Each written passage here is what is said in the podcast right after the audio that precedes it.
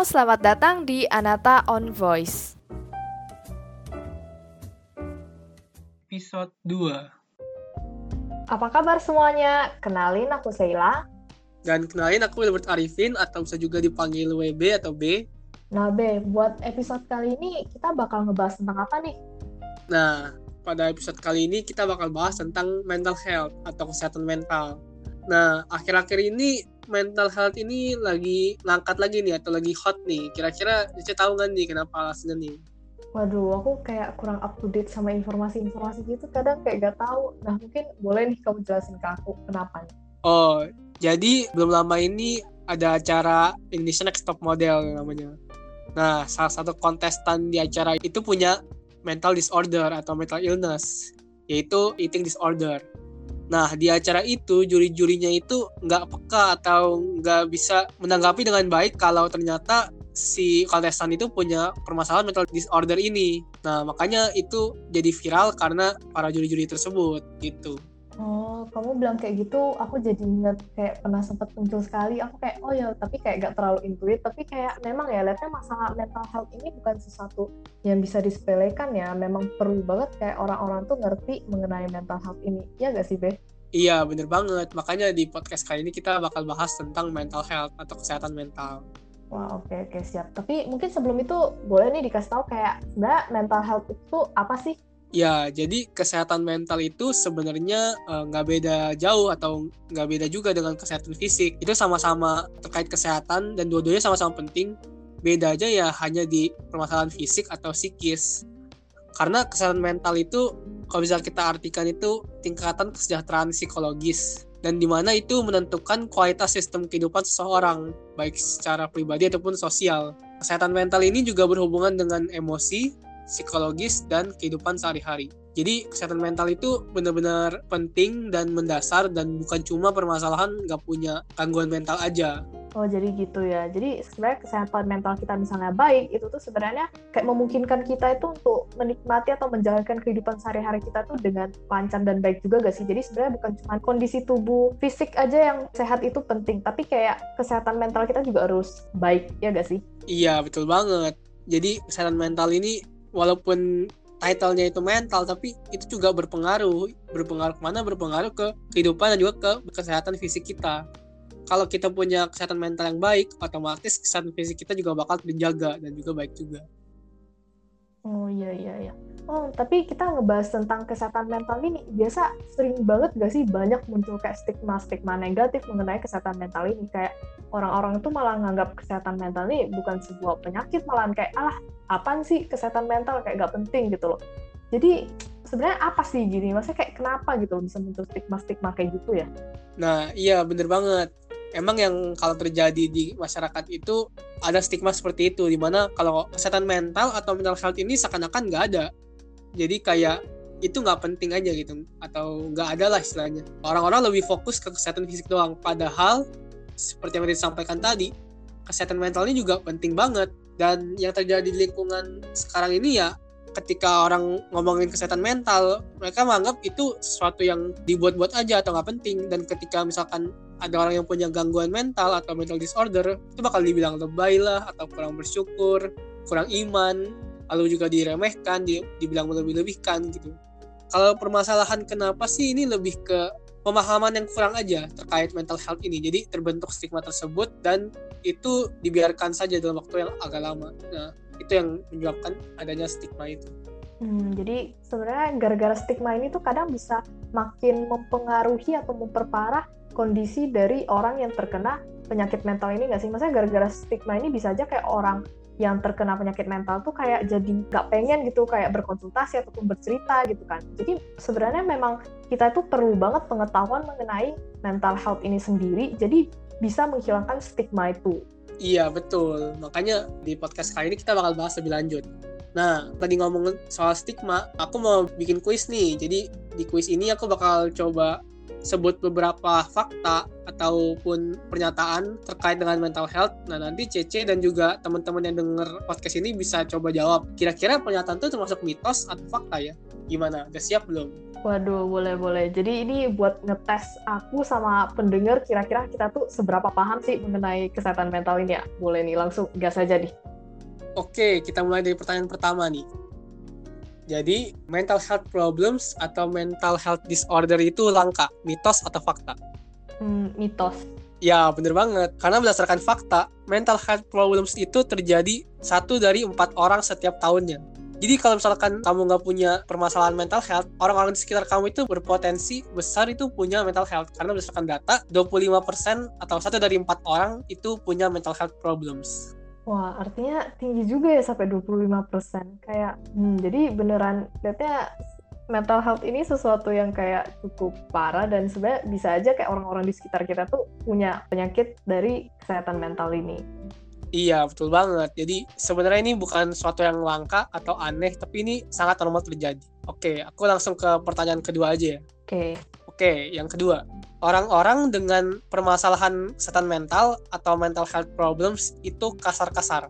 Kasarnya secara fisik ya, atau kayak sering mukul, atau dia sering menyerang gitu-gitu. Waduh, agak bingung ya. Tapi hmm, lihatnya mitos kali ya. Mitos ya. Oke, jadi jawabannya Iya bener banget mitos. Karena justru orang-orang yang punya permasalahan mental tadi kemungkinan besar bukannya melakukan kekerasan malah merupakan korban dari kekerasan itu sendiri. Jadi mereka itu yang karena kena kekerasan tersebut itu jadi punya mental health problems, bukan sebaliknya.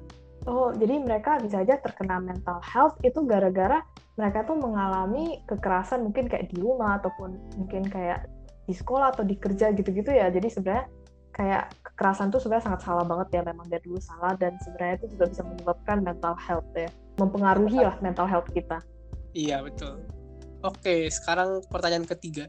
Jadi untuk pernyataannya secara rata-rata orang-orang dengan penyakit mental yang buruk itu mati atau meninggal 10 tahun lebih cepat. Mitos atau fakta? Wah pertanyaan makin sulit ya nih. Aduh bingung nih. Uh, fakta kah? Iya, waduh, jago juga nih. Benar, fakta. Jadi secara medis, ketika seseorang punya permasalahan kesehatan mental atau mental health illness ini, itu kemungkinan besar atau secara rata orang itu bakal meninggal 10 tahun lebih cepat. Jadi segitu parahnya nih permasalahan kesehatan mental ini. Hmm, memang beneran harus ditindaklanjuti banget ya karena beneran wah 10 tahun itu maksudnya kayak lumayan apa guys kayak umur kalian dipotong 10 tahun misalnya orang yang punya penyakit apa jadi kayak kemungkinan gitu ya ngeri banget kan hmm. oke lanjut nih. Oke lanjut. Yang keempat orang-orang dengan permasalahan kesehatan mental ini atau mental health disorder ini bisa sembuh. Mitos atau fakta? Kalau ini mah aku yakin fakta. Nah iya betul. Jadi emang seperti penyakit pada umumnya jadi mental health disorder ini juga bisa disembuhkan. Itu gimana ya paling mudah dengan komunikasi lalu juga ada bisa dengan bantuan orang-orang profesional dan juga bisa dengan obat jadi jangan salah mental health illness ini juga bisa diobati guys jadi sebenarnya mental health ini tuh bukan kayak penyakit yang nggak bisa diobati ya. Jadi sebenarnya itu bahkan ada obatnya untuk mengobati mental health ini ya. Mungkin bagi orang yang masih punya stigma atau berpemikiran kalau mental health ini bukan penyakit atau kayak mana tuh artinya salah ya harus diubah nih. Iya betul. Oke ini terakhir deh pertanyaannya. Oke. Oke yang terakhir stigma dan diskriminasi di sekeliling orang-orang yang punya penyakit mental ini akan membuat itu lebih susah untuk orang-orang yang punya kesehatan mental tadi untuk sembuh. Itu sudah fakta. Fakta. Ya, ini gampang sih ya. Jadi secara survei 58% orang yang mempunyai stigma dan diskriminasi ini itu justru lebih parah dan makin tidak bisa recover dari penyakit kesehatan mental yang mereka punya. Jadi itu penting banget makanya guys tadi kita sebut untuk kita punya awareness yang lebih terhadap mental health ini dan kita coba sedikit-sedikit menghilangkan stigma-stigma tadi. Oke, jadi kan tadi kita udah bilang stigma-stigma dan kayak sebenarnya stigma ini kan muncul gara-gara kita tuh kurang paham ya, maksudnya kayak kita kurang pengetahuan mengenai mental health itu sendiri.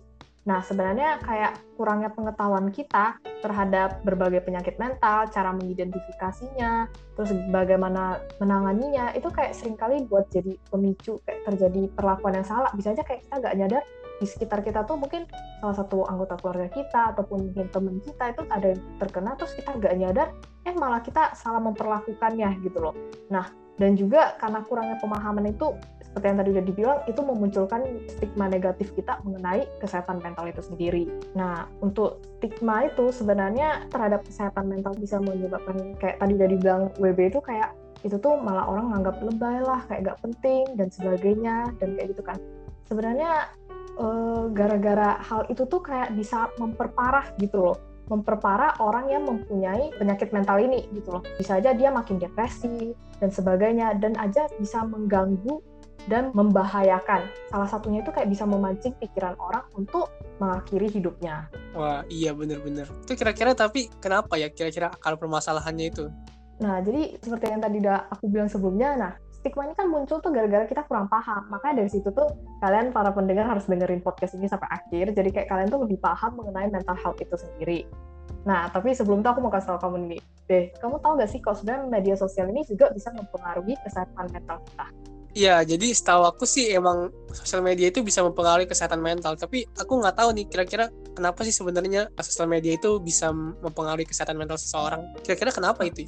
Nah, sebelum itu aku kasih tahu dulu ya. Nah, menurut sebuah studi itu oleh penelitian di Brown University itu dibilang kalau misalnya orang yang rajin menggunakan media sosial itu tuh mempunyai resiko terkena depresi 3,2 kali lebih besar daripada mereka yang jarang menggunakan media sosial. Nah, tadi kan kamu nanya aku alasannya itu sebenarnya apa? Sebenarnya akibatnya itu kayak faktor utamanya itu ya itu tuh eh, terpengaruhi oleh waktu durasi kita menggunakan media sosial, tinggi aktivitas kita di media sosial, terus investasi personal pada media sosial. Jadi kayak seberapa kita mendalami itu media sosial dan adiksi terhadap media sosial. Nah, di sini ini yang paling utama tuh adiksi terhadap media sosial.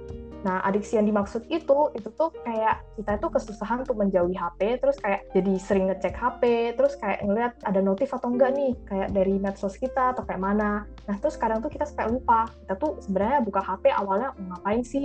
Nah, ini secara gak langsung membuat kita merasa bahwa sosial media itu sangat penting dan terkadang orang tuh jadi pengen banget tampil perfect di depan media sosial. Nah, akibatnya itu orang menjadikan media sosial ini sebagai pembanding diri dengan orang lain.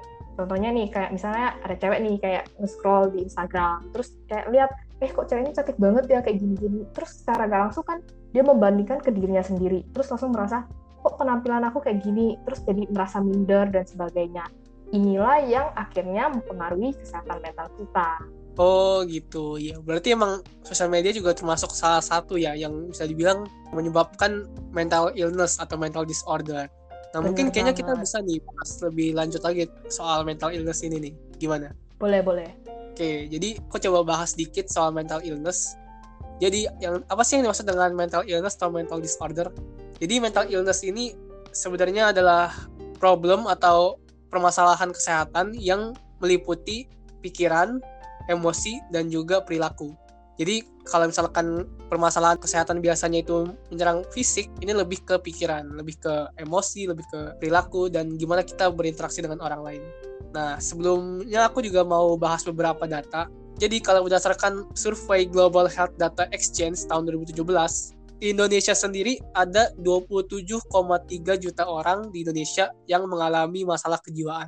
Jadi itu sekitar 10% dari penduduk Indonesia itu memiliki mental illness ini atau mental disorder tadi. Nah, makanya ini jadi penting banget untuk kita ketahui kalau sebenarnya penyakit mental atau mental disorder itu bukan semata-mata cuma orang gila atau orang-orang yang bisa dibilang aneh aja. Cuma ini sebenarnya lebih jauh daripada itu dan juga penting banget untuk kita ketahui. Hmm, gimana nih? Mungkin bisa lebih dijelasin kayak apa aja sih mungkin yang lebih paling sering kita temui gitu loh. Mungkin kayak beberapa mental illness yang cukup sering kita temui di sekitar kita gitu loh. Sebenarnya mungkin yang kita nggak tahu ternyata itu sebenarnya mental illness gitu loh. Oke oke.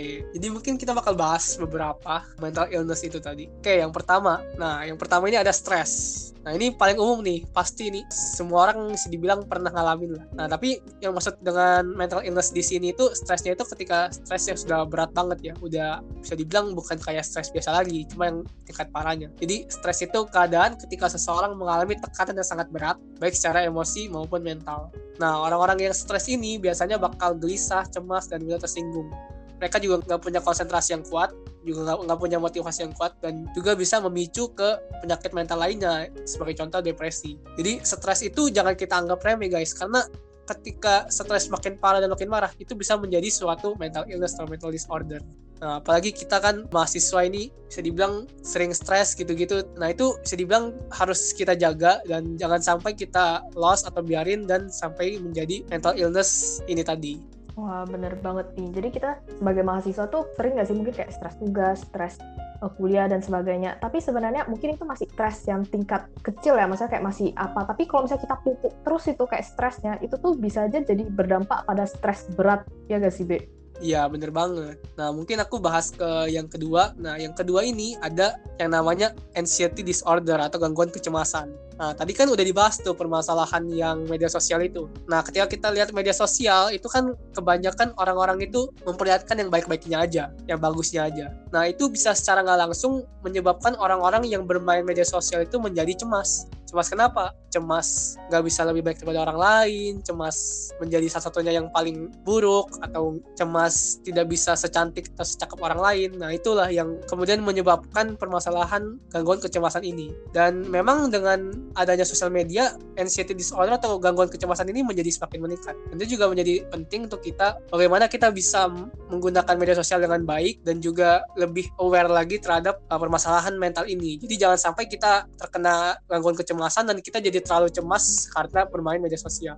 Wah, bener banget. Jadi ini kayak kita yang sekarang tuh pasti rata-rata tuh pada menggunakan media sosial ya. Jadi kita itu gak yeah. boleh sampai menjadikan media sosial ini alasan ataupun kayak penyebab kesehatan mental kita nih. Jadi benar harus dijaga. Jangan sampai kita tuh merasa media sosial ini sampai mengganggu kita. Dan sebenarnya ada tips sedikit ya. Misalnya kita ngerasa media sosial itu udah sebenarnya mengganggu kita atau maksudnya kita udah mulai merasa kayak tadi kamu bilang cemas dan sebagainya. Itu mungkin ada lebih baiknya kalau kita berhenti menggunakan media sosial untuk jangka waktu tertentu gitu gitu loh kayak beneran sampai kita tuh beneran udah pulih dan beneran bisa mengontrol kita punya emosional dan sebagainya lagi gitu Iya betul. Nah itu emang ada namanya sendiri yaitu social media detox. Jadi kita secara beberapa lama kita berhenti main sosial media, stop dari sosial media, kita coba hening, kita coba berpikir lebih jernih dan menjauh dari sosial media. Nah mungkin untuk jenis mental illness atau mental disorder yang terakhir, aku bakal bahas tentang depresi.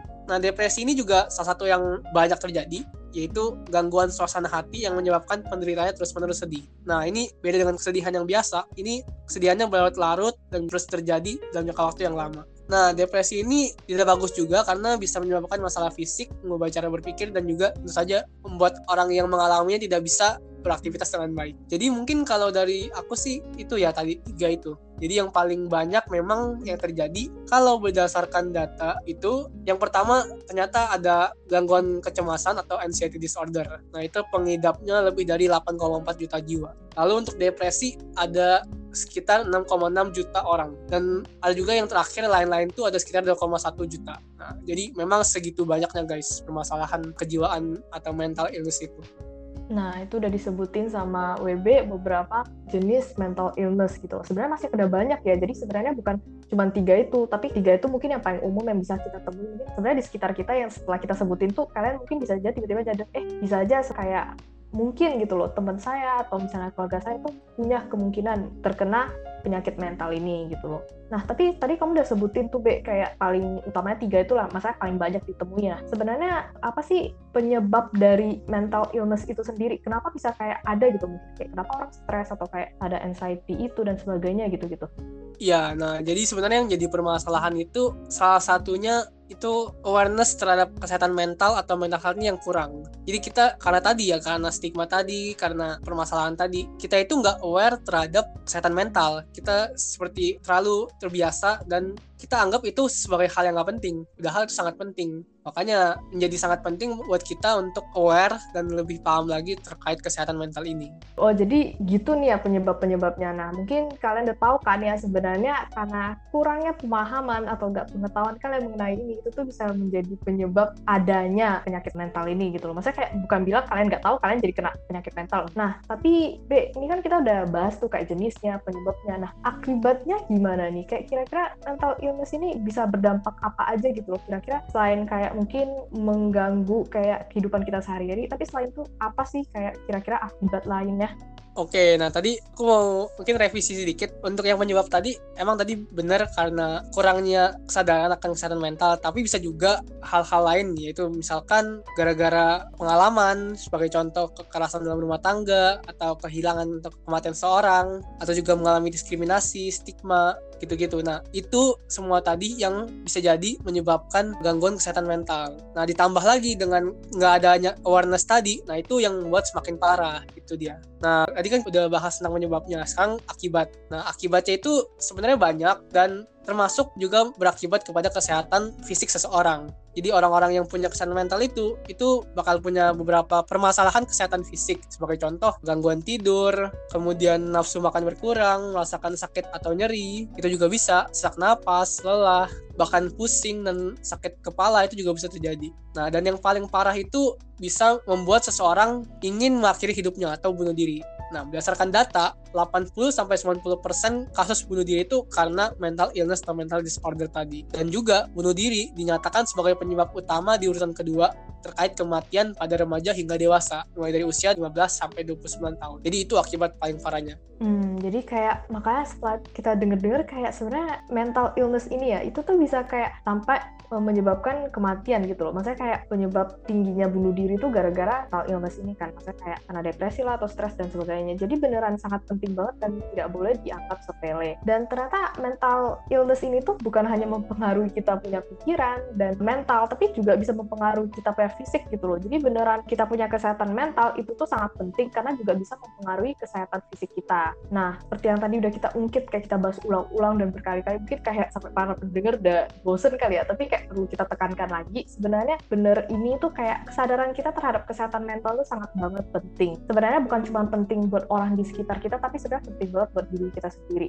Soalnya kita punya kesehatan mental tuh bukan sesuatu yang pasti, gak tetap gitu loh maksudnya. Kayak itu tuh bisa aja terus berubah gitu loh. Jadi sebenarnya bukan hanya mungkin orang di sekitar kita yang bisa terkena mental health, tapi kita sendiri aja itu bisa terkena kena gitu loh. Maka dari itu kita sendiri harus paham bagaimana cara untuk menghindarinya ataupun mencegah agar kondisi mental kita itu memburuk gitu loh. Oh iya betul betul. Kira-kira ada tips gak tuh gimana kalau untuk mengatasinya itu?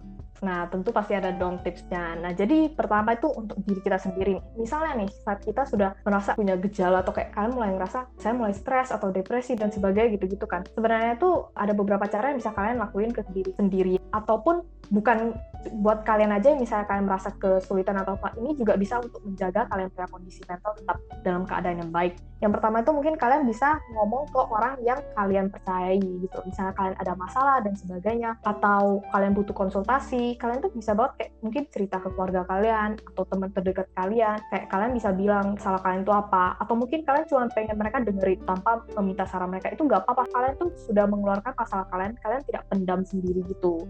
Soalnya kok kalian pendam sendiri itu, itu tuh bisa banget menyebabkan kalian stres sendiri mikirin masalah tersebut. Nah, terus yang kedua itu kalian bisa berolahraga. Nah, karena olahraga itu dikatakan dapat meningkatkan sirkulasi darah dan juga meningkatkan produksi dari dopamin yang bisa dikaitkan dengan kita punya tingkat kesenangan gitu loh, kesenangan kalian dan juga bisa meningkatkan produksi dari serotonin yang bisa membantu kita menstabilkan mood kita. Nah, terus misalnya kita nih sudah beneran merasa kayak jenuh banget, stres banget gitu, kayak beneran merasa ngomong ke teman atau keluarga juga gak mempan, kalian olahraga juga kesannya masih kurang gitu kan. Sebenarnya kalian bisa banget konsultasi ke orang profesional, ke psikolog gitu loh. Jangan karena kalian ngerasa kayak, oh aku ke psikolog itu tuh aku kayak nanti dikira gila dan sebagainya. Itu salah banget, itu stigma yang sangat big no banget. Jadi kalian harus hilangin itu stigma ke diri kalian sendiri. Jadi kalau memang kalian ada dalam masalah dan kayak cara-cara sebelumnya itu tidak mempan, itu boleh banget kalian cari ke psikolog agar kalian tuh bisa disembuhkan. Jadi sebenarnya mental health ini sendiri itu sebuah penyakit ya, seperti penyakit biasanya misalnya fisik kalian kayak ah tiba-tiba demam dan sebagainya itu kalian ke dokter buat berobat, terus dikasih obat dan kalian sembuh gitu loh. Sama aja dengan mental health ini, kalian ke psikolog untuk berkonsultasi. Kalau memang perlu obat dikasih obat dan sebagainya itu tuh biar kalian tuh bisa sembuh oke wah tadi tuh udah panjang dan lengkap banget tuh tadi tuh kira-kira aku udah tahu deh kira-kira kalau misalkan punya gangguan kesehatan mental atau mental illness itu gimana Nah, mungkin aku pengen tanya uh, satu hal sih. Kalau misalkan bukan aku nih, kira-kira aku punya teman yang menurut aku dia punya gangguan kesehatan mental atau mental illness. Kira-kira ada tipsnya nggak nih gimana buat bantu dia?